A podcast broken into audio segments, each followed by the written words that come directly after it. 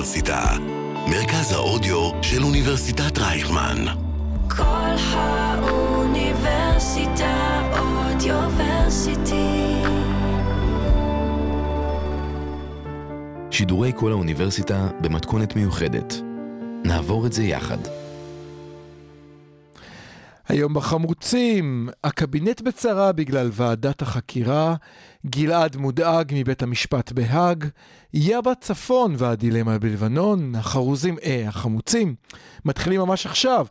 אני מזכיר לכם, אנחנו מקליטים ביום א', 7 ינואר בשעה 4, עד שתאזינו לנו בפודקאסט, המציאות עוד עשויה להשתנות. החמוצים, בפעם החמישית. המערכת הפוליטית על ספת הפסיכולוג, עם הפרופסור בועז בן דוד והפרופסור גלעד הירשברגר. שלום גלעד. שלום בועז ושלום למאזינות ולמאזינים. כן, אתה יודע, אנחנו אה, כל שבוע מתחילים מחדש תוכנית באיזושהי תקווה שבתוכנית של שבוע הבא יקרה איזה משהו טוב, גדול, משמעותי. באמת, יש לך תקווה כזאת? אני אופטימיסט חסר תקנה, טוב, אנחנו נדבר על זה עוד יפה, היום. יפה אה, לך. אתה יודע, מותר להתפלל ולקוות שבשבוע הבא יהיה משהו טוב יותר, ותוך כדי שידור עפות לנו כאן התראות על טילים ורקטות בעוטף, כל כן. הזמן זה מולנו על המסך. לא רק בעוטף, בצפון. כן, אני... אני... זה הופה, הנה עוד, וזה ממשיך וממשיך. כן. עכשיו זה בצפון. קיצור, זה לא נראה. טוב, אז רציתי להתחיל אבל לדבר על הקבינט המדיני-ביטחוני, כן. והדיון הסוער שהיה בו עם הרמטכ"ל, שנגע כמובן באיך מנצחים את המלחמה, באיך שומרים על החיילים, נכון? באיך מחזירים על החטופים. ביום שאחרי, כן, באיך בדיוק. דואגים למילואימניקים. הדברים שאותם אני רוצה שהמנהיגים שלי ידאגו להם, בשביל שאני אהיה בטוח. כן. אז מה שקורה זה שביום אז לא? חמישי, לא לגמרי לא, אבל, אבל גם uh, צריך להבין uh, באמת מה, מה קרה שם ומה המשמעות של הדברים. אז ביום חמישי הייתה ישיבה של הקבינט uh, מדיני-ביטחוני בנוכחות הרמטכ"ל, ועשו לו שם אמבוש. Uh, הביאו uh, כמה אנשים שהם לא חלק מהקבינט הזה. למשל את דודי אמסלם, כן. כן. ואת מירי רגב. שהביאו אותם, אה, אה, אין להם זכות הצבעה, הם לא חלק מהמם. מהקבינט, מותר להביא אותם, אבל אה, מה שבעצם קרה שם זה מערב מתוכנן לרמטכ"ל. היית מצפה מרמטכ"ל שיפעיל מודיעין, שהוא יוכל לדעת, לא? אני חושב שיכול להיות שהוא ידע. אוקיי. אה, המערב הזה, לא, אתה יודע מה, להבין- אתה יודע מה, זה הערה צינית, אבל אני חייב להסביר אותה. היית מצפה שהרמטכ"ל לא יצטרך להתכנן, להקדיש את המודיעין שלו בשביל להבין מה הדרג המדיני מתכנן לו, אלא להתכונן למה שעושה חמאס וחיזבאללה. לא, עצם, עצם. זה שבאמצע מלחמה יש התקפה של הדרג המדיני על הרמטכ"ל, כן. אה, היא, היא מאוד פרובלמטית. עכשיו, ישנם מקרים שאולי זה מוצדק, זהו, זה אם צריך באמת להסביר. המלחמה מתנהלת בצורה איומה ונוראה. לו זו הייתה התקפה, סליחה, אני, אני אתקן אותך. דיברנו על זה שבוע שעבר.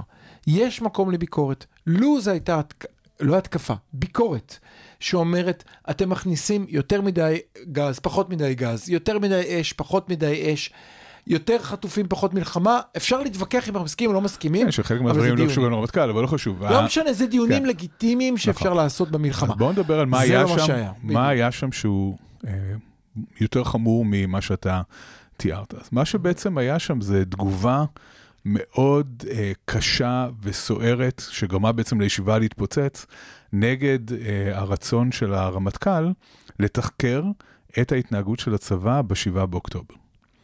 עכשיו כאן צריך להגיד uh, כמה דברים. Uh, כל הגורמים הצבאיים, בניגוד לדרג המדיני, לקחו אחריות על ה-7 באוקטובר. מהמם. הם מבינים שזה משהו שצריך uh, לתחקר. הם, אף אחד מהם לא חושב שזה במקום התחקור של הדרג המדיני, אבל הם מבינים שהיה כשל ברמה uh, של הדרג הצבאי, וכנראה שיש לחצים מתוך הצבא לתחקר את זה, מתוך מחשבה שאנחנו כאן באמצע איזשהו מהלך וצריך להפיק לקחים, ואולי יש אנשים מסוימים שלא יכולים להמשיך בתפקיד שלהם בגלל השבעה באוקטובר, ושמוטב לעשות את זה עכשיו, כדי שנוכל להתקדם לשלב הבא עם צבא ערוך ומוכן יותר. עזוב אנשים, אם מחר מתכנן לנו, סתם אני זורק מראשי הקודח, נניח חיזבאללה, סתם אמרתי. תרגיל דומה, כדאי שנבין איפה פספסנו קודם, שנהיה ערוכים יותר הפעם. נכון, לגמרי, לגמרי. סתם ככה יש... מהרהורי ליבי. כן, אז כאן אה, יש, לא רק שיש הצדקה אה, לבדוק את הדברים תוך כדי לחימה, זה יכול לשפר את ההיערכות של ישראל אה, לקראת העתיד, וכמובן שלרמטכ"ל יש סמכות מלאה לחקור את הארגון שלו. הרמטכ"ל לא מבקש לחקור את כל אירועי ה-7 באוקטובר, אה, אה, שכוללים גם דברים שהם לא קשורים למרכיב הצבאי של הדברים. בוודאי שיש לו סמכות, אל... לא? יש לו סמכות לחקור את הארגון שלו, את הצבא. כן. אני חושב שזה כאילו ברור מובן מאליו. כן, לא, אבל כל ההתקפה הייתה על זה. אוקיי. ש... שהוא לא צריך... עכשיו, כאן השאלה היא, ממה הם מפחדים? למה הדרג, ה... למה הממשלה מתנפלת עליו ככה? למה בן גביר וסמוטריץ' מתנפלים עליו ככה. עזוב למה בן גביר סמוטריץ'. למה הביאו שחקני חיזוק? הגענו לקונצנזוס. עמית סגל, שיושב לו בלב ערוץ 2, מפרסם טורים. עמית סגל לא יושב בקבינט המדיני-ביטחוני. אבל הוא יושב, מפרסם טור, נו, ברור מי מתדלק את מי, מוציא טורים, מה פתאום בוועדת חקיקה יש את ההוא, ולא את ההיא, כן, ומה כן, הם עושים. מה מלחיץ את הימין? זאת אומרת, זה נהיה ממש דף מסרים. אני אמרתי את זה בשביל להדגים שזה דף מסרים מלא, זה לא הפרינץ'. נכון, נכון. אז מה, מדג... מה בעצם קורה כאן? ממה הם מפחדים? באמת ממה הם מפחדים? אז אני שואל אותך, ממה הם מפחדים? שידברו על, ה, על הצד המדיני, מאיפה הצבא יגיע לצד כל, המדיני? קודם אני באמת כל, שואל. קודם כל, אה, ועדת חקירה צבאית תחשוף דברים שיפגעו גם בדרג המדיני. הדרג המדיני כרגע, מה שהוא מנסה להגיד, זה שהקטר 100%, הקטר בסדר, הבעיה היא רק בקרונות. כן? Okay. אוקיי. לא הייתה, לא, אין בעיה בניהול של המדינה. אני הנחיתי את הצבא אה, לנצח והוא לא הצליח. משהו כזה. ועדת חקירה מין, תשאל שאלות שיהיו לא נוחות לימין. למשל, אחת השאלות שתשאל, זה מדוע כל כך הרבה כוחות הוקצו לאיו"ש ולא לעזה?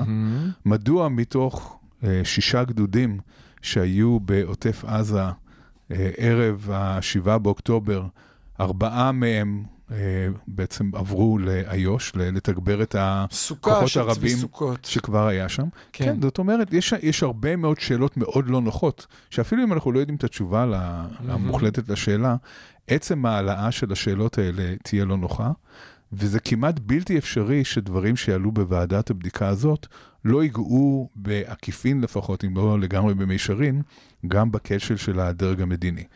זאת אומרת, ועדת בדיקה כזאת לא תוכל להתעלם מהקונספציה של בוא אה, אה, ניתן לחמאס כמה כסף שהוא רוצה, אה, וככה אנחנו בעצם נקנה, נשלם פרוטקשן ונקנה שקט. אתה אמרת שני דברים, אמרת אחד על חלוקת הכוחות, אמרת אחד על הקונספציה, ואז אמרת, אם, אמרת אפילו משהו יותר עמוק מזה. אמרת, ועדת, יש עוד דבר מאוד מיוחד לוועדת חקירה צבאית. הגוף היחיד בישראל שיש בו איזשהו אמון עדיין, זה הצבא, אפילו שהוא יתערער עדיין, זה גוף שיש בו אמון. אם יוצא ועדה צבאית ואומרת את הדברים האלה, זה הרבה הרבה הרבה יותר משמעותי מאשר אם זה יהיה של בית המשפט או של הממשלה. אני לא יודע, אני חושב שגם ועדת חקירה ממלכתית תזכה באמון הציבור, אבל זה לא משנה. מה ש... זה לא משנה, כי זה, לא, הפ... זה לא על הפרק. זה לא על הפרק. מה שעל הפרק זה רק ועדת בדיקה צבאית, שפתאום הרמטכ"ל רוצה אותה עכשיו. נתניהו, במשך כל הכהונה שלו, מה שהוא מנסה לעשות זה לקחת אה, דברים כאלה כמו ועדות חקירה ולהרחיק אותם כמה שיותר מעצמו. למשל, אם ניקח את אסון אה, מירון, okay. אוקיי. שהיה פה לפני שנתיים נדמה כן, לי, נכון? משהו כן, כזה. כן, כן. אז עד עכשיו לא הייתה בעצם אה, ועדת חקירה, Mm-hmm. והרעיון שלו זה באמת למסמס את הדברים, כן, מחר כך, לא צריך כרגע לחקור את זה. אוקיי. ואותו הדבר לגבי ועדת החקירה של השבעה באוקטובר, כן, תהיה Mm-hmm. ועדה. אבל היא תהיה עוד חמש שנים או שש שנים, כשהמלחמה Mm-hmm. תיגמר, שהאבק ישקע, כשכן, כשאנחנו זה לא כבר הזמן נשכח לחקור מהדברים. עכשיו, כן. נכון, אז זה כמובן קונה לו זמן, והדבר האחרון שהוא צריך כרגע על הראש זה ועדת uh, חקירה שתוציא אותו לא טוב. עכשיו, מה שחמור בכל הסיפור הזה, זה ששיקולים פוליטיים אינטרסנטיים, נכנסים לתוך uh, שיקולים מבצעיים uh, ביטחוניים, כי ועדת החקירה של הרמטכ"ל, הרמטכ"ל הזה הוא לא איזה תחמן פוליטי שמנסה כאן uh, לעשות uh, uh, תרגיל לממשלה. הוא באמת, אולי אפילו בתמימות, אבל הוא באמת רוצה לחקור את ההתנהגות של הצבא, מהמם. מתוך uh, רצון uh, לייעל את המערכת הזאת, מתוך רצון אה, אה, לעשות את אה, ניקוי האורוות ואת בדק הבית ההכרחי בתוך הצבא, והוא גם יחקור את הנושאים שקשורים לצבא. זאת אומרת, הוועדה הזאת תחקור נושאים אה, צבאיים, אבל זה מהווה איום, לא, לא בכדי. השני האנשים העיקריים שאנחנו רואים אותם אה, מתקוממים נגד הוועדה הזאת, הם בן, בן גביר וסמוטריץ', כי הם אה, מובילים מדיניות, וכאן צריך להגיד שנתניהו כן. נגרר אחרי מדיניות שלהם, שהיא מדיניות משיחית והזויה, שגורמת להסתה של המון המון כוחות לאיו"ש, הרבה יותר ממה שהגיוני ונדרש בלי כל הדברים הפרובוקטיביים והמתגרים שהם אה, עושים בשטחים. ו, וכמובן שוועדת חקירה כזאת, ועדת בדיקה צבאית מהסוג הזה, תחשוף את אה, אותם הדברים. גם הנוכחות של אמסלם, אגב, היא מעניינת. רגע, דקה לפני אמסלם, אני רוצה לסכם את המשפט שאמרת, ואז נעבור לזה. אתה בעצם אומר את הדבר הבא. אה, הם בטוחים שמה שהם עושים הוא נכון, נכון? הרי הם בטוחים שמה שהם עושים הוא הדרך הטובה ביותר להגיע לעתיד המובטח. אבל בדרך יהיה לא נעים. בדרך יקרו כל מיני דברים קטנים שיובילו אותנו לגאולה. מה הבעיה? הצבא ידבר על, ועדת החקירה תדבר על הדרך.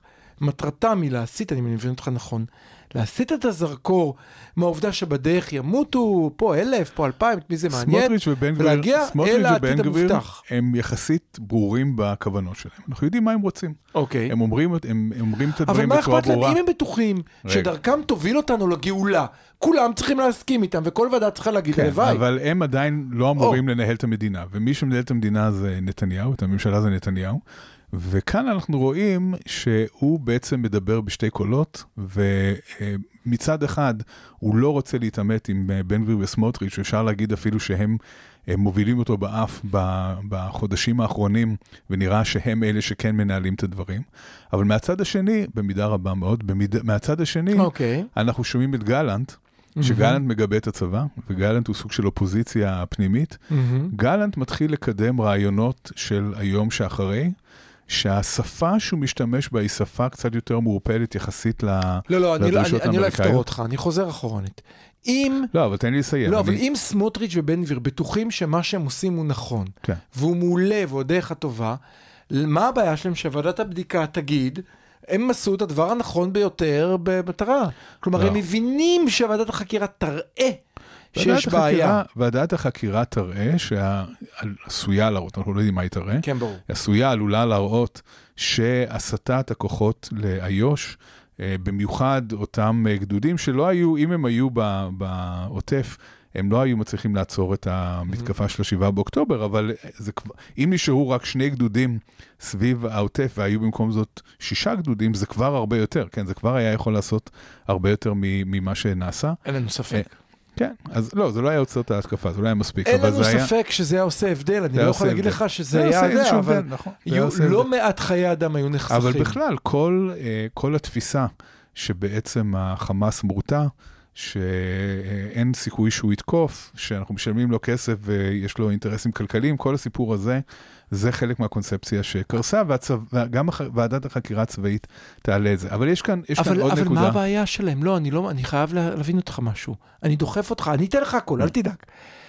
אם הם כל כך בטוחים בעצמם, מה הבעיה מוועדת החקירה? לא, הם ועדת- מבינים שיש להם טעות? הרי לא. לא, אבל הם לא, הם לא חושבים שהטעות היא שלהם, אבל הוועדה כן תצביע על הטעות הזאת. זאת אומרת, גם אם הם לא חושבים שזו טעות, הוועדה כן תראה שהייתה כאן בעיה. כי הוועדה רואה רק את היום והם רואים את הנצח, כי הוועדה רואה רק את מחר והם רואים. את, את גאולת ישראל. כאן יש, כאן, אוקיי. יש עניין, כאן יש עניין אחר, שהימין הישראלי, אה, מלעיטים אותו בכל מיני אה, פנטזיות ואמירות שאין שום סיכוי, אני לא מדבר כרגע על הצד המוסרי שלהם, אבל גם, גם מבחינת ההיתכנות שלהם, כן? Mhm. כל הדיבורים על ליישב את עזה, וכל הדיבורים על, אה, על אה, הגירה מרצון, וכן, כל, כל מיני דברים ש... ההיתכנות להם היא, היא אפס מוחלט, הם לא יקרו, אבל מלעיטים את הציבור ברעיונות האלה כאילו שזה, אה, כאילו שהם רעיונות. שיכולות, שיכולים באמת אה, להתממש, וזה חלק מהעניין, הם מייצגים את, ה, את הדבר הזה, כן? הם מייצגים את החלומות שהם... המשיחיים הלא אפשריים. אתה חושב שהם כמו טראמפ, אני, אני בכוונה דוחק אותך, אתה חושב שהם כמו טראמפ לפחות כמו שהבנו על טראמפ, חיים בתוך העולם הזה ומתחילים להאמין לעצמם ולמה שהם רואים בערוץ 14? לגמרי, הם לגמרי מאמינים לעצמם, זה לא בערוץ 14, הם מאמינים, הם אנשים מאוד אידיאולוגיים, Mm-hmm. מאוד דתיים. אתה אמרת נצח ישראל מקודם, הם חושבים מושגים כאלה, הם לא Mm-hmm. חושבים מושגים של היום שאחרי המלחמה בעזה. הם חושבים על uh, היום שאחרי הגאולה. הם אומרים, גם אם זה ייקח עוד 100 שנה, או 200, כן, זה לא חשוב, זה יקרה בשלב כזה או אחר. אבל אוקיי. כאן, אבל כאן רציתי, התחלתי להגיד משהו שנתת זה, לי כן, לסיים. כן, לא, לא, הנה, לך, לך, לך. אחרי שדכדכת אותי, אתה יכול להמשיך. נתניהו נמצא בין הפטיש של uh, סמוטריץ' ובן גביר, לבין uh, הסדן של uh, ביידן והאמריקאים. זאת אוקיי. אומרת, יש לו מצד אחד את המשיחיסטים שאומרים Mhm. לו, אה, אנחנו צריכים אה, להמשיך ולכבוש ולרוקן את הרצועה מהתושבים שלה ולהקים מחדש את אה, גוש קטיף או לא יודע מה. ומהצד השני יש לו את ביידן שאומר לו, עזה היא שטח פלסטיני והיא תישאר פלסטינית, ו, וצריך אה, רשות פלסטינית אה, מתוגברת בשביל שתשלוט בעזה. מהמם. עכשיו, מה שהוא עושה עם שני הדברים האלה, זה בעיקר נגרר אחרי הסמוטריצ'ים והבן. גבירים. אבל הוא כמובן לא יכול להגיד לא מוחלט ל, לביידן. מי שעוזר לו כאן קצת, ולא מתכוון אולי לעשות את זה, זה גלנט, בזה שהוא בעצם הציג עכשיו איזושהי תוכנית לא לגמרי uh, אפויה עד הסוף, אפשר להגיד, כי אני לא מפורטת עד הסוף, של היום שאחרי, אבל שהיא דומה לרעיון של... אה, ביידן בסופו של דבר. זאת אומרת, בלי להגיד רשות פלסטינית, הוא אמר רשות פלסטינית. הוא מדבר על אנשים שהם חלק מהמנגנון עכשיו, שמקבלים משכורות מהרשות הפלסטינית. זה, זה רשות פלסטינית, איך שלא מסובבים את זה. כן, אני, אני מרגיש שהפחד לדבר על היום שאחרי הוא, הוא, הוא משהו דווקא דוגמה פסיכולוגית. ברגע שאתה מדבר על היום שאחרי, אתה חייב לקבל הכרעה בין המון המון רע. אבל אם אתה אומר, אין, אין, גאולה, ננצח, נמחץ, נמעך, נמ... לא יודע, תן לי עוד מילים, אז אתה לא חייב להתחייב לכלום, אתה לא חייב להתחייב לפשרה אף פעם. אז הרבה יותר קל, וגם כל מי שמציע את היום ברור, שאחרי, ברור. שמאלן מוותר, כי הוא הסכים לפשרה. עכשיו, חייבת להיות איזושהי פשרה עם המציאות. נכון. הפשרה הזאת תקרה שנגמרת מלחמה, שם זה מתחיל המשא ומתן. נכון, נכון. ובו אף אחד לא נת- מקבל את שלו. אנחנו תמיד נתקלים, אני, אחד הדברים שאמרתי בתחילת המלחמה הזו, נדמה לי שגם כאן, זה שהרבה אנשים עומדים להיות מאוכזבים. זאת אומרת, מלחמה יכולה להשיג יעדים מסוימים, אבל היא לא תביא למה שחלק מהציבור חולם עליו, וזה שהחמאס יושמד כליל ולא יישאר ממנו זכר. כולנו נהיה מאוכזבים, מה ו- זאת אומרת? כולנו היינו רוצים לא, אבל- שמחר כל החמאס כן, ייעלם. לא, אבל הש- אכזבה לעומת הציפיות. אוקיי. ה- ה- יש אנשים שהציפייה שלהם היא שחמאס ייעלם כלא היה, כן, מהמם. כמו שנתניהו עצמו אמר, עמלק, כאילו שהוא נמחה אותו מעל כן. פני האדמה והוא לא יהיה יותר, ושנוכל אה, בעצם אה, לקחת את האדמות האלה של אה, עזה, אה, ועם 200 אלף העזתים שיישארו לפי סמוטריץ', נחיה בשלום ובנחת. אז זה לא יקרה, יש אה, 2.2 מיליון אה, עזתים. מה הוא מתכנן לעשות עם השני הם- מיליון האלה? כן, זה לא לגמרי לא, ברור מה הוא באמת, חושב מה- מה שבאמת יקרה. התוכנית, כן. האופרה, איך הוא הגיע למספר 200 אלף? מה יהיה עם שני כן. מיליון? אז קודם כל אווירית? מצרים, מצרים לא תיקח אותם כמובן, ו, אה, וגם הסכם השלום עם מצרים אה, יהיה בסכנה אם בכלל נדבר על האפשרות ברור הזאת. שלא. תראה, סביר להניח שאחרי המלחמה הזאת תהיה הגירה כלשהי מעזה, אבל גם הגירה של, של מאות, שני מיליון? אבל לא של שני מיליון אנשים, של כמה מאות אלפי אנשים. כן, גם לא, לא מאות יותר אלפי מזה. אלפים זה זה אופטימי, אני אני לא יודע. לא, לאורך זמן זה יכול, לק... זה יכול לקרות, כי אין איפה לגור בעזה כרגע, אבל, אבל אה, לא במספרים זה היה יכול להיות גם קודם, למה זה לא קרה קודם? כי העולם לא רצה, זה ועכשיו לא- העולם ירצה ויקלוט עליו שני מיליון. אין, בוא. אין שום סיכוי שתהיה הגירה משמעותית. שתשנה את המצב דמוגרפית. כן, אין סיכוי זהו, כזה. זה לא... זה... אני גם לא מבין מאיפה הוא הגיע למספר הזה, זה ממש נדמה שזה אלון לשבת, שהוא קרא אותו ומשם אוצר ידיעותיו, איך הוא הגיע לשני מיליון. טוב, סליחה, נו, תמשיך לדכא אותי. לא, כאן אני, אני רוצה לחבר את מה שאמרנו למה שבעצם קורה בצה"ל עצמו. אה, יש לנו עכשיו אה, יותר ויותר מילואימניקים שחוזרים הביתה, זה, ואנחנו... זה עכשיו, זה לא בחלק הבא, טוב, בסדר, לא, זה תמשיך. בתוך זה, זה בתוך טוב, זה. טוב, מילואימניקים, מילואימניקים אה, חוזרים הביתה, מהמם. ויש ממש קמפיין שהם הם קוראים לו קמפיין תסתמו את הפה. שמעת על זה? כן, כן. כן. זאת אומרת, הם אומרים, אתם, אה, אנחנו מנסים אה, להילחם ביחד, אנחנו, כל עם ישראל נמצא שם במילואים, ימין, שמאל, דתיים, אה, חילונים. אה, יש המון רעל בתקשורת, יש המון פוליטיקה שנכנסת לתוך דיוני קבינט ודברים, וגם בעיתונות. די, חלאס, להפסיק את הדבר הזה. צריך עכשיו להפסיק את, ה, כן, את, ה, הרעל הפוליטי שנכנס לתוך המלחמה הזאת. כאן צריך לומר ש... טוב, מאיפה זה בא? זאת השאלה, זה יכול לבוא משני הצדדים. אני חושב שזה לא בא מצד פוליטי. אני חושב שזה מהמם. באמת איזושהי תחושה של אנשים מהשטח, שזה פוגע, שזה מפריע. שזה אולי אפילו מאיים להכניס אה, פוליטיזציה לתוך הצבא. אוקיי. והדבר האחרון שאנחנו רוצים זה שבתוך אה, עזה אה, לוחמים אה, יריבו ביניהם על אה, מה נכון ואם צריכה להיות ועדה כזאת או לא צריכה להיות, או כל מיני דברים מה, מהסוג הזה. הם, אני חושב שהם צודקים, קודם כל, ה, ה, כן, המילואימניקים שיוצאים עם זה, הם צודקים מהבחינה הזאת שהפוליטיקה לא צריכה להיכנס לתוך דיוני קבינט. הם קצת הרחיבו את זה גם לתקשורת, ששם אני פחות מסכים, כי אני חושב שכן צריך להיות דיון בריא על מה שקורה במלחמה הזאת, וזה בסדר. אני רואה את זה וישר, זה ישר זה מדאיג אותי. אני כל פעם שאני שומע בלי, פה, לי תיקה, זה ישר אה, אה, מרפרר לי למחאות עבר שנראו ספונטניות, ואז התברר שמאורגנו על ידי צד פוליטי מאוד מסוים, במימון מתוחכם, במטרה כן, לא. לתת אה, אה, לשום דבר לקרות. אנחנו ברשותך, גלעד, נמשיך את הדיון הזה אחרי ההפסקה. על חשש. אני, אה, אה, לפני שנעבור לשיר, אני רוצה דקה אחת לדבר עליו. ביום רביעי, בכיכר החטופים, הופיעה איילה מינקר, תושבת אחד מקיבוצי העוטף, אה, שרה שם ש... כמה שירים. אנחנו נדבר על שניים מהם היום. אחד מהם זה עיניים זרות של רונה קינן. לכאורה שיר שיש בו שני רבדים, ברובד הראשון, שיר על אהבה נכזבת. אישה שאישה אחרת עזבה אותה, למרות הבדלי הגיל, ניסתה ולא הצליחה. ברובד השני הפזמון הוא פזמון של האופטימיסט חסר התקנה, כמוני. אני לא אפסיק לרצות, אני לא אפסיק לרצות, אני לא אכנע לרעיון הזה שאי אפשר, כי אי אפשר ואי אפשר. זה עניין של הישרדות, גם אם תגידי לי שדי כבר ונגמר. וכך תמיד התייחסתי אל השיר, ואז היא סיפרה שהיא הייתה בממ"ד במשך כל היום עד שפחות או יותר, אם הבנתי נכון, בלילה חילצו אותה מאחד מהקיבוצים בעוטף, והיא אמרה שהשיר הזה קיבל אצלה משמעות שונה בהתחבר לבית הזה, ואקריא אותו רגע. שקט, שקט בסלון, שקט במטבח, שקט גם בטלפון, היא ניסתה להשיג ולא הגיעה אל יקיריה. כל מה שרציתי זה לישון, אבל הרעש המחריד חדר לי לחלום, וסוף, סוף לסיפור. כל האוניברסיטה אודיוורסיטי. כל האוניברסיטה, מרכז האודיו של אוניברסיטת רייכמן. החמוצים, בפעם החמישית. המערכת הפוליטית על ספת הפסיכולוג, עם הפרופסור בועז בן דוד והפרופסור גלעד הירשברגר. למעשה זה בפעם השישית, אבל... אה, לא מי יותר- סופר? מי סופר את האות?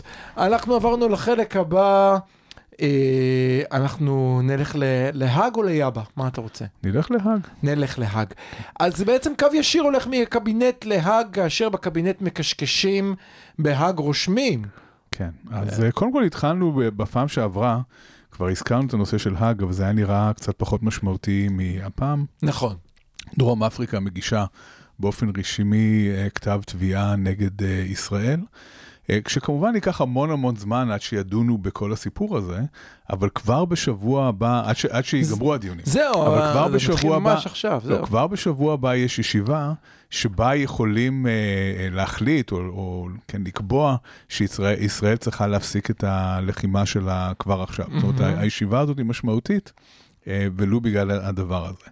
עכשיו, מצד אחד אפשר לומר, אה, האג שמאג, מה אכפת לנו מה אומרים בהאג?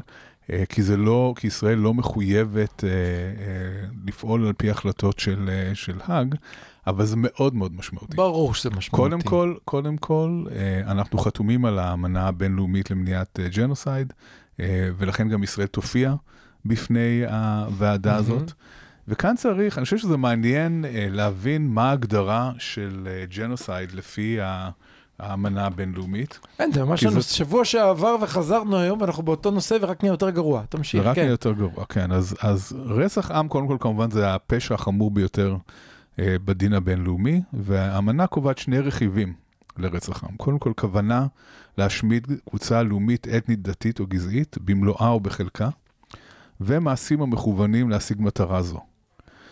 על פי האמנה לא נדרש להשיג את מטרות ההשמדה וניתן להעניש בגין ביצוע רצח עם גם על הסתה ישירה ופומבית לרצח עם, ניסיון לבצע רצח עם והשתתפות ברצח עם.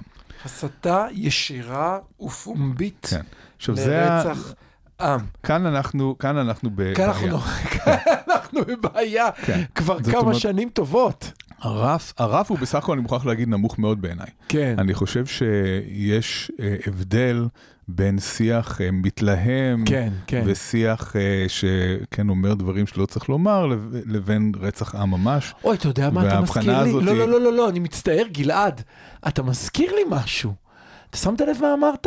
מה אמרת? לקרוא לג'נוסייד זה תלוי בקונטקסט. זה בדיוק מה שאמרת עכשיו. כן, אבל שלא לא. נשיאת אה, אוניברסיטה תבחר שם לא, זה פה. לא, זה היה אסוציאציה לא קשורה, בגלל למה? ש... לא, בגלל אמרת שאני לא... שלדבר על ג'נוסייד לא זה אמרתי שזה- בסדר עד- עד שזה תלוי בקונטקסט. עד שזה, כן, עד שזה עובר ממילים למעשים, נכון, כן, כן, נכון, בסדר. אה, אבל יש הבדל בין אה, מה שלגיטימי לומר באוניברסיטה, אוקיי. לבין להעמיד אה, מדינה יש לדין באשמת... יש. הבדל בין סטודנט בן 18 כן, לבין לגמרי, מדינה. לגמרי. אוקיי, כאן אני כן, אז, איתך. אז כאן בכתב, כתב התביעה הוא מעניין, הסתכלתי על חלקו. יש שם למשל ציטוטים של אייל גולן וקובי פרץ, ידעת? טוב, זה באמת בשביל, מגוחך. בשביל להראות כאילו את האווירה הציבורית, כי הם אמרו צריך למחוק את עזה, צריך, אה, כן, כל מיני אה, אמירות מה, מהסוג הזה. אוקיי, אוקיי. אה, לשרוף להם את הכפר, כן, זה גם מופיע שם בתור ציטוט. יש וגם יש אמירות קבוצה של, שזה הסיסמה שלה. וגם אמירות של נתניהו על עמלק, כן, מתוך הכרה של מה המשמעות של עמלק. כן. אבל אחד הדברים המעניינים שקרו השבוע בהקשר הזה, שגם מופיעים שם, זה משה סעדה, שהיה בפרקליטות והוא היום חבר ליכוד. כן, מה הוא אומר? הוא אומר, אתה הולך לכל מקום ואומרים לך, תשמיד אותם. בקיבוצים, וגם אה, חבריי כן, לפרקליטות שנלחמו איתי בעניינים הפוליטיים אומרים לי, משה, ברור שצריך להשמיד את כל העזתים. זאת אומרת, אין סוף לכמות האנשים שאו שהם בתוך המערכת ממש, או שהם בפריפריה של המערכת, שמתבטאים בצורה כזאת, ורק שופכים עוד ועוד שמן למדורה הזאת, ומכיוון שכוונה זה חלק גדול מהסיפור, קשה להוכיח כוונה, אבל כוונה זה חלק גדול מהסיפור, הם מאוד עוזרים לא, אבל לטיעון אתה של אמרת הכוונה. הסתה ישירה ופומב- ופומבית לרצח עם. כן, להגיד שאני רוצה שמתוך 2.2 יישארו 2, מה זה? נכון? מה נכון, זה? נכון. לא, לא שאני חלילה רוצה לחזק את אני מתנגדי רוצה לתקן בהאג, אותך, אבל זה מה לא, זה? זה לא מתוך 2.2 יישארו 2, יישארו נקודה 2. נכון, אתה צודק. אתה צודק, כן, אתה צודק. צריך לדייק. כי מתוך 2.2 יישארו 2 מיליון, זה עוד סביר. אני מסכים איתך, כן. כן. אז, אז כמובן שההתבטאויות האלה מאוד uh, בעייתיות. אז מה, מה בעצם ההגנה הישראלית כרגע, אנחנו לא יודעים בדיוק מה היא תהיה, אבל לפחות ממה שמדובר כרגע, הם אחד ה... מטומטמים, הם המשוגעים, מה אתם רוצים? תפסיקו להתייחס אליהם. חלק מהמצוטטים אינם שותפים לקבלת ההחלטות, ואלו שכן לא התכוונו לדבריהם. זה בעצם ה- במילים הקו. אחרות, עזבו, הוא לא, הוא לא בסדר. יש לזה שם, מסתבר שיש לזה שם, חיפשתי. יש לזה שם שנקרא idiot defense. ה-idiot defense זה, זה סוג של הגנה שמשתמשים בה לפעמים, מסתבר. שאומרת, אה, הלקוח הנאשם, לא אינטליגנטי מספיק בשביל הלקוח להבין לא. אינטליגנטי מספיק בשביל להבין אה, על מה הוא מדבר. כן. היה למשל מקרה אחד בארצות הברית, היה מקרה של אה, אדם שהיה בטוח שלפי החוקה אי אפשר לחייב אותו לשלם מיסים, והוא לא שילם אה, מיסים והעמידו אותו לדין, אה, וההגנה ניסתה לטעון שהוא הוא באמת חשב ככה, שזה לא שהוא מעלים מס, שהוא באמת ובתמים האמין שהוא לא צריך לשלם מיסים בגלל החוקה. אז, אז אנחנו גם כנראה משתמשים ב-idiot defense ונראה שאין לנו בהצלחה עם הדבר הזה. תגיד לי, איך הגענו, באמת, סליחה, איך הגענו לסיטואציה? אני זוכר שרי חוץ, אני זוכר, אני זוכר שרי חוץ ודיפלומטיית לא, חוץ קשור, יעילה. זה לא קשור לשרי חוץ. איך הגענו לסיטואציה שכל השרים שלנו וכל הממשלה שלנו, הדרך היחידה שלנו להתמודד עם העולם זה להגיד, עזבו, זה חבורת מטומטמים, הכל בסדר. תראה, יש צד אחד שזה שהם באמת חבורה מטומטמים. זאת אומרת, זה לא, ההגנה הזאת היא לא הגנה משוללת יסוד, יש לה, יש לה הרבה אני אמת. יודע, אבל איך הגענו לסיטואציה כן, הזאת? אבל יש גם צד שני למטבע הזה שצריך להבין אותו. אחד הדברים המאוד אה, בוטים, ו, ובאמת אה, אין, אין גבול לאירוניה שלהם, זה שבאותו הזמן שדרום אפריקה מגישה אה, כתב אישום חמור כל כך נגד ישראל בהאג, ראש ממשלת דרום אפריקה מארח את מנהיג סודאן, מוחמד חמדאן דגלו, שהוא אה, אחראי באופן ישיר לרצח של מאות אלפי אה, אנשים, הוא ממש אחראי לרצחם, ומקבלים אותו ברוב טקס וכבוד והדר. זאת אומרת שדרום אפריקה כאן משחקת אה, משחק שהוא כאילו אה, מוסרי, שהיא עצמה אה, לא ממש עומדת באותן אמות מידה. טוב, אנחנו יודעים מה אבל, הסיבה מה, לזה. אבל, אבל צריך להבין מה קורה כאן. קורה כאן משהו שאני מוכרח להגיד שמכל הדברים שקורים בתקופה הזאת, אוקיי. זה הדבר שהכי מדאיג אותי. ולכן אני... יואו, זה לא יאומן, אתה... לא. אני, אני, אני חייב להזכיר למאזינות ולמאזינים, לא ל... הרבה לא, דברים מדאיגים אותי. אה, קחו כדורים לפני שגלעד מדבר, כי אם זה הכי מדאיג אותך אחרי כל מה שתיארת, אני לא, מודאג. אני אגיד, אני אסביר מה מדאיג אותי. מה שמדאיג אותי נו. זה שבעצם התביעה בהאג היא חלק ממהלך מתו- מתוזמר, שחלק ממנו זה טבעת האש שאיראן מקימה סביב ישראל. זאת אומרת, אוקיי. אה, להקים איום ביטחוני ממשי, שמה שראינו ב-7 באוקטובר זה רק החוליה הכי חלשה שלו שתוקפת, כן, של אוקיי. חמאס, שכל האופציות האחרות הן הן הרבה יותר קשות. מהמם. ובמקביל, אה, לגייס את הקהילה הבינלאומית אה, נגד ישראל, אה, ליצור מצב שבו יש הפגנות בעולם נגד ישראל, לגרום לזה שישראל תהיה מדינה מצורעת. וישראל מדינה מצורעת, זאת ישראל שיהיה לה מאוד מאוד קשה לשרוד בכלל, ובמיוחד ב, בתוך ה- המציאות הביטחונית שאנחנו נמצאים בה, והתביעה בהאג היא חלק מהמהלך הזה. זאת התביעה בהאג, יש לה מטרה אחת ברורה, וזה להפוך את ישראל למדינה שאסור להתקרב אליה, שצריך להתרחק ממנה. שאי אפשר, ו- ולכן גם המשמעויות של האג הן הרבה יותר אה, רחבות מהש, מה, מהעניין המשפטי הזה. כן. זאת אומרת, ה, ה, אנחנו כבר הפסדנו ברגע שהשיח על ג'נוסייד בעזה התחיל. זאת אומרת, גם זאת אומרת, לא ברגע מה ששואלים את השאלה האם זה ג'נוסייד או לא ג'נוסייד, וזה מגיע להאג ודנים בזה ולא בטוחים, גמרנו. כן, אז כבר הכתם הזה דבק בנו. זאת מהמם. אומרת, הכתם של ג'נוסייד כבר אה, דבק בנו.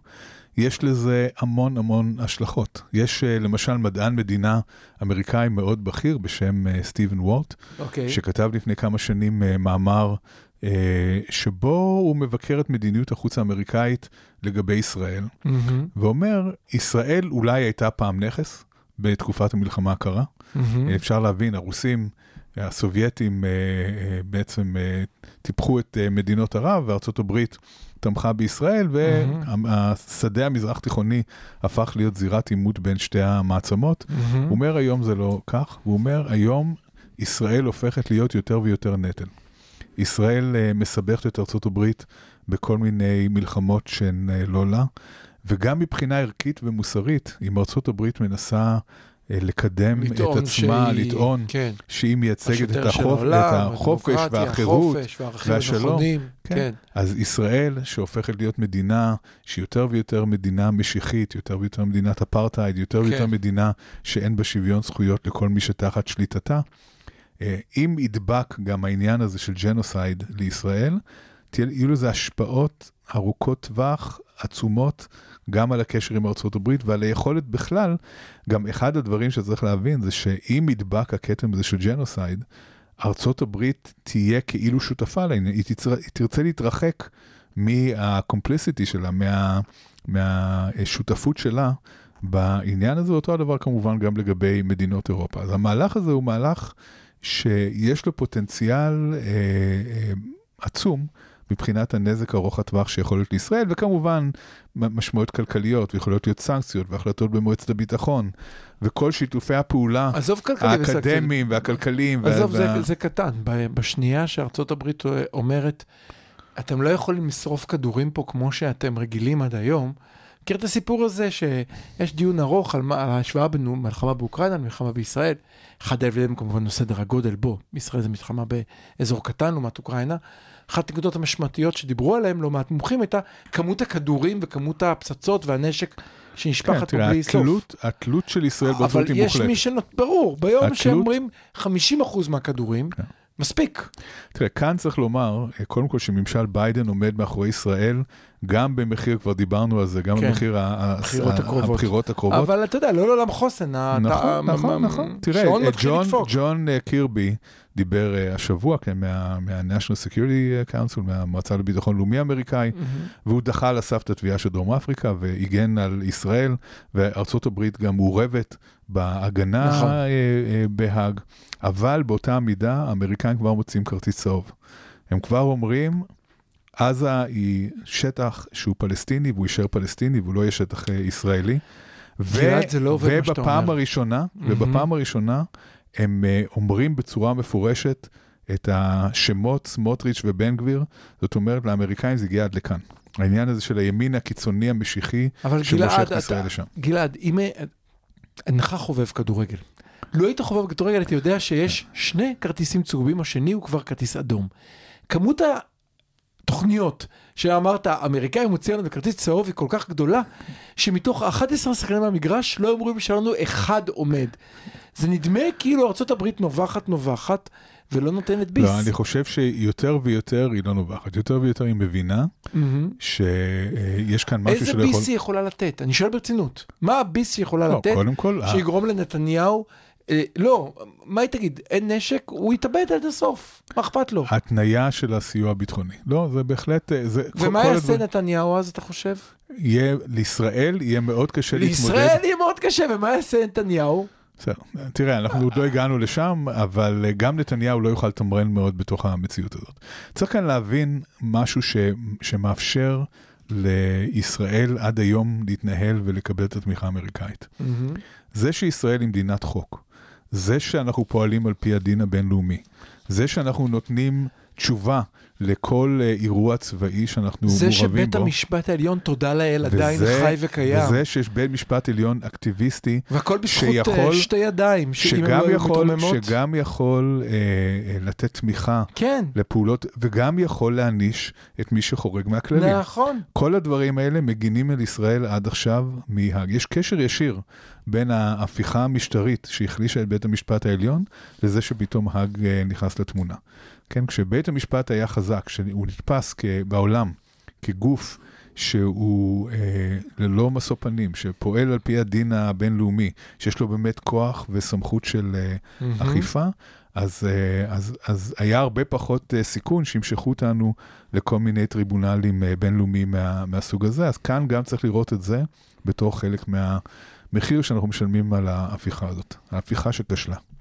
אנחנו עוצרים אה, להפסקה קטנה, נעבור לעוד שיר ששר באותה הופעה איילה מינקר, אני אקריא את המילים, המילים תרצה אתר, ושום סלע לא יזיז אותי על כן, ושום מפל אדיר לא יוכל לי.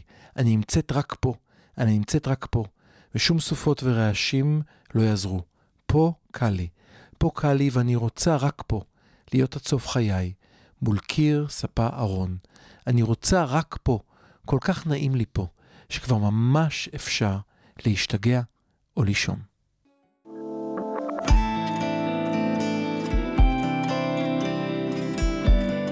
כל האוניברסיטה, מרכז האודיו של אוניברסיטת רייכמן. כל האוניברסיטה אודיוורסיטי. החמוצים, בפעם החמישית, המערכת הפוליטית על ספת הפסיכולוג, עם הפרופסור בועז בן דוד והפרופסור גלעד הירשברגר. תודה שחזרת אלינו לקטע האחרון, ועכשיו נהיה חייבים לדבר על האסון בלבנון, מלבנון. כן, אז uh, בעצם... מה אה, זה? תגיד לי, לא ברצינות? אני יושב בבוקר, אני בכלל לא הייתי מודע למה שקורה. אני יושב בבוקר עם קולגה, היא מספרת לי שהייתה באותו בסיס לבקר אה, את הבן שלה, שמשרת שם לפני כמה שבועות, להביא לו אוכל כן, בקופסאות. צריך, בוא נדבר על, על מה, מה זה? מה זה הבסיס הזה ומה זה... מה? לא, גלעד ברצינות, מה זה הדבר הזה? כן, אז יש כבר הסלמה בלבנון uh, כמה זמן, כבר uh, כמה חודשים, אבל uh, השבוע קרה משהו שהוא יוצא דופן uh, לחלוטין, וזה ירי שהוא הרבה יותר ארוך, זאת אומרת, הרבה יותר עמוק mm-hmm. לתוך שטח ישראל, לתוך ה...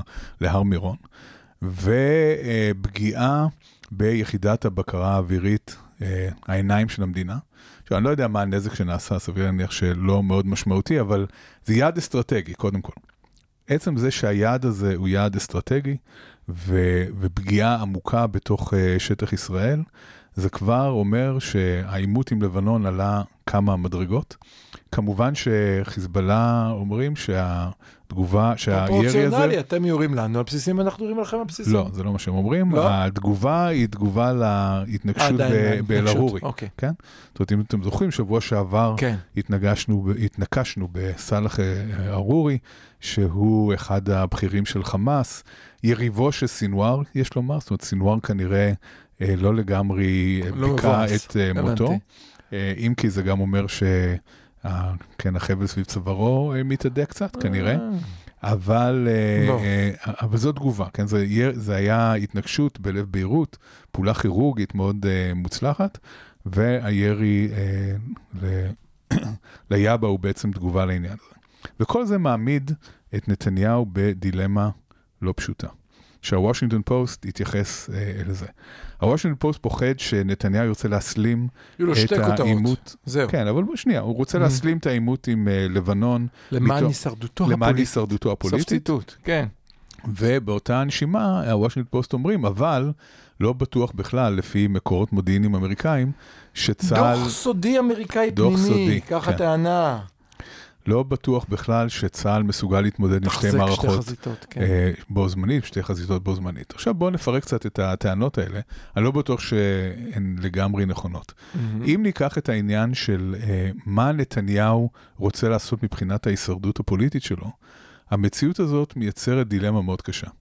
מצד אחד, הציבור הישראלי אומר, זה, זה לא יכול להיות שזה מה שקורה פה. לא יכול להיות שחיזבאללה יורים עלינו ויורים עלינו ופוגעים אה, אה, עמוק לתוך אה, שטח ישראל, ובעצם פינו אה, מעל 60 אלף אה, תושבים אה, בצפון, ויש הרס נרחב של היישובים שם. לא יכול להיות שאנחנו נשב על הידיים ולא נעשה שום דבר בזמן שזה קורה. זה גורם לישראל להיראות חלשה. כן, זה גורם לישראל להיראות חלשה בעיני הציבור הישראלי, כן. וגם בעיני הסביבה כמובן, בעיני מהמם. השכנים שלנו. מהמם. ונתניהו מבין את המחיר האלקטורלי של זה, הוא מבין שאם אנחנו נמשיך לשבת ולספוג, אז יהיה לזה מחיר עבורו. אממה, להיכנס למלחמה עם חיזבאללה, שחלק גדול מאוד מהציבור הישראלי לא מבין בכלל, בכלל, את המשמעות של הדבר הזה. אנשים חושבים שזה 2006, אנחנו לא ב-2006. מלחמה עם אה, חיזבאללה תהיה טראומה לאומית קשה. היא תהיה טראומה לאומית קשה, גם אם ננצח, גם אם נחריב את לבנון, וגם, לא יודע, אם לא, אם לא יישאר חיזבאללה בסוף, כמובן שכן יהיה, אבל אפילו אם, אם אה, נלך עד הקצה, כן. אה, מידת ה- אה, הפגיעה בישראל, גם ב, אה, ב, ב, אה, כן, ב, בתשתיות, ב, אה, ב, אתה חושב שאנשים לא יודעים את זה? אני חושב שאנשים לא מבינים אין את זה עד סוף הסוף. בחדשות שאומרים לנו, תקשיבו, יש 100 אלף טילים עם השם שלכם, כתוב עליהם עם הכתובת, פה תפנו ימינה לא בגורדון, רק שמאלה. שם החנייה, לא. פה גרבועז, לא, אני מגזים, אני אומר כאילו כמות הטילים מספיקה שאפשר לדפוק בדלתו של כל בית. העניין שתהיה פגיעה במתקנים חיוניים, בתשתיות, זה יהיה משהו שלא חווינו אף פעם, זה יהיה משהו. שלא ראינו דבר כזה כל השדה התעופה, בוא, אנחנו כן, מבינים. הכל. אה, אז, אז להיכנס למלחמה כזאת זה לא בהכרח כזה גליק אלקטורלי לנתניהו, כן? זה לא ש... אתה, אתה מדבר לא על אלקטורלי, אני, אני חושב על... אתה מדבר על אלקטורלי, אני חושב על פה על... על, על ה- השרידות ה- שלו כרגע. לא על השרידות של נתניהו, אני מדבר על השרידות שלי. אתה כן. מדבר איתי על השרידות פוליטית של נתניהו. אבל לא, אני, אני מנסה לחשוב מנקודת המבט שלו, מה הוא באמת, אם, ה, אם האמריקאים חוששים שהוא רוצה לקדם אה, מלחמה בגלל השרידות האישית שלו, אני לא בטוח שזה מקדם את השרידות האישית שלו. אולי לכמה חודשים של המלחמה, אבל לא הרבה יותר מזה, כי דווקא הציבור הישראלי יכול עוד יותר לפנות נגדו, לא יהיה תמונת ניצחון במלחמה כזאת. זו לא מלחמה שבה לא יהיה אלבום אה, ניצחון כמו ששת הימים אחרי מלחמה מהסוג הזה. אז, אה, אז אני לא בטוח בכלל שמלחמה כזאת אה, תועיל. בעצם אתה אומר שאם כך, מאחר ציר דיפלומטי לא קיים. הוא כן קיים. הוא כן קיים. וכאן אה, לא, הסיכוי... יכול להיות קיים, אבל לא, השאלה, אתה כן רואה את. ממשל נתניהו מרים ציר כן- דיפלומטי? קודם כל, צריך להגיד אוקיי. שיש ציר דיפלומטי כרגע, שהאמריקאים מפעילים אותו.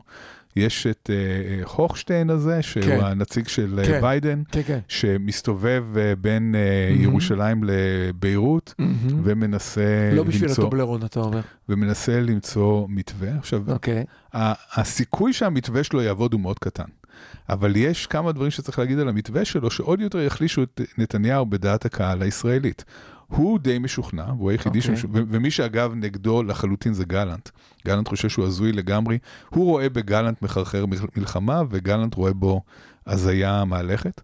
אבל מה שהוא בעצם אה, אומר, לא, התחלת אופטימי, כבר נרגעתי. רגע, אני- אבל צריך להקשיב למה שהוא אומר. החזרתי את הכדורים לארון, אני עכשיו מוציא אותם הוא מהארון, אומר- שם אותם מולי, הוא תמשיך אומר לדבר. שאפשר להגיע כן. לאיזשהו שקט, אהה. שזה לא יישום מלא של אה, 1701, אבל אה, להרחקה של חיזבאללה מהגבול, אהה. אם אה, הדיון יהיה על כל קו הגבול בין ישראל לבין אה, לבנון, שנדרשים שם תיקוני גבול על חוות פי הלבנון. שבא או מה זה עכשיו? אז חוות שבא זה חלק מהעניין, אבל, מה ש... אבל יש עוד כמה נקודות שהן יותר משמעותיות, אפילו סימבולית. אה, ראש הנקרה, יש שם... אה, אה, סיפור יש שם אה, משהו כמו 25 אה, מטר, כן? שנמצאים במחלוקת, זה, זה, זה משהו מאוד קטן. אבל אם ישראל תוותר על זה, המשמעויות של זה, גם מבחינה ציבורית ישראלית, זאת אומרת, אם נתניהו יקנה שקט, אפילו אם זה במחיר של, אה, 25 מטר. של דירת חדר וחצי בתל אביב, סליחה, בתל אביב זה דירת שלושה חדרים מרווחת, אבל אוקיי. אה, זה, זה, קודם כל תהיה לזה השפעה מאוד שלילית על הציבור הישראלי. הציבור הישראלי, וכאן גם צריך להגיד, גם הציבור וגם צה"ל, צה"ל אה, די רוצה מהיום הראשון, עוד מאוקטובר, כן. הוא רוצה מתקפת להיכנס. מנע, הוא רוצה, כן. הוא, הוא אומר, אנחנו יודעים כן. לעשות את זה, אנחנו יכולים, בניגוד למה שהוושינגטון פוסט אה, טוענים, מהמם. בצה"ל חושבים שבמתקפת מנע כן אפשר אה, להרחיק את אה, סטייל ששת חיזבאללה. הימים נכנסים ומפוצצים להם לא יודע, מה תעופה, סתם אמרתי. לא יודע מה הם מתכננים, אבל, אבל הם בטוחים, וגם גלנט עומד מאחורי הדבר כן, הזה. ומולו נמצא, אנחנו יודעים, שני רמטכ"לים אחרים בדימוס שחושבים שזה לא אפשרי. כן, אז יש, בקבינט, אז אומרת. מי שבעצם, אבל אין לנו מושג, זה כמו שני שאומר- מוסכניקים שמדברים איתי על מה יהיה באוטו, אני לא מבין. מי, ש, מי שכן אומר את הדברים אה, בצורה שהיא לא כל כך מעודדת, זה יאיר גולן שאומר, בתכלס, מה שאנחנו צריכים אה, לסגור עליו, זה איזשהו מצב שבו יש קצת הרחקה של חיזבאללה, שישראל עושה ויתורים מסוימים, ושנלמד לחיות עם זה, עם כוחות צה"ל פרוסים לא, אה, אבל- בשטח. שנייה, גלעד, אני אסביר לך את הבעיה. אה, אנחנו יכולים לדבר דברים מלומדים עד כה, ושנינו מבינים דבר או שניים בפסיכולוגיה, ואולי ב- במדיניות ובמדע המדינה, אבל אנחנו לא באמת יודעים מה התוכנית הסודית שיש לרמטכ"ל. לא, זה לא מה שמשנה. אבל והאם היא- היתכנותה היא באמת 72 שעות של בלאגן ואז שלום עולמי, או שזה בלתי אפשרי, ואנחנו צריכים, אתה יודע, להתמודד עם הסיטואציה הזאת, אתה מבין מה אני יש מתכוון? כאן, יש כאן אה, אה, כל מיני בעיות של הפער בין התפיסה העצמית של הציבור הישראלי לבין המציאות. זאת אומרת, יכול להיות שהתפיסה הזאת של בוא נכסח אותם, בוא נראה להם מה זה, היא תפיסה שאין לה הרבה אחיזה במציאות, זה מה שהוושינגטון פוסט בעצם אה, אומרים. מהמם. אה, תפיסה שגם אומרת, המצב הנוכחי הוא בלתי נסבל, אנחנו לא מוכנים להמשיך לחיות ככה, ובצדק.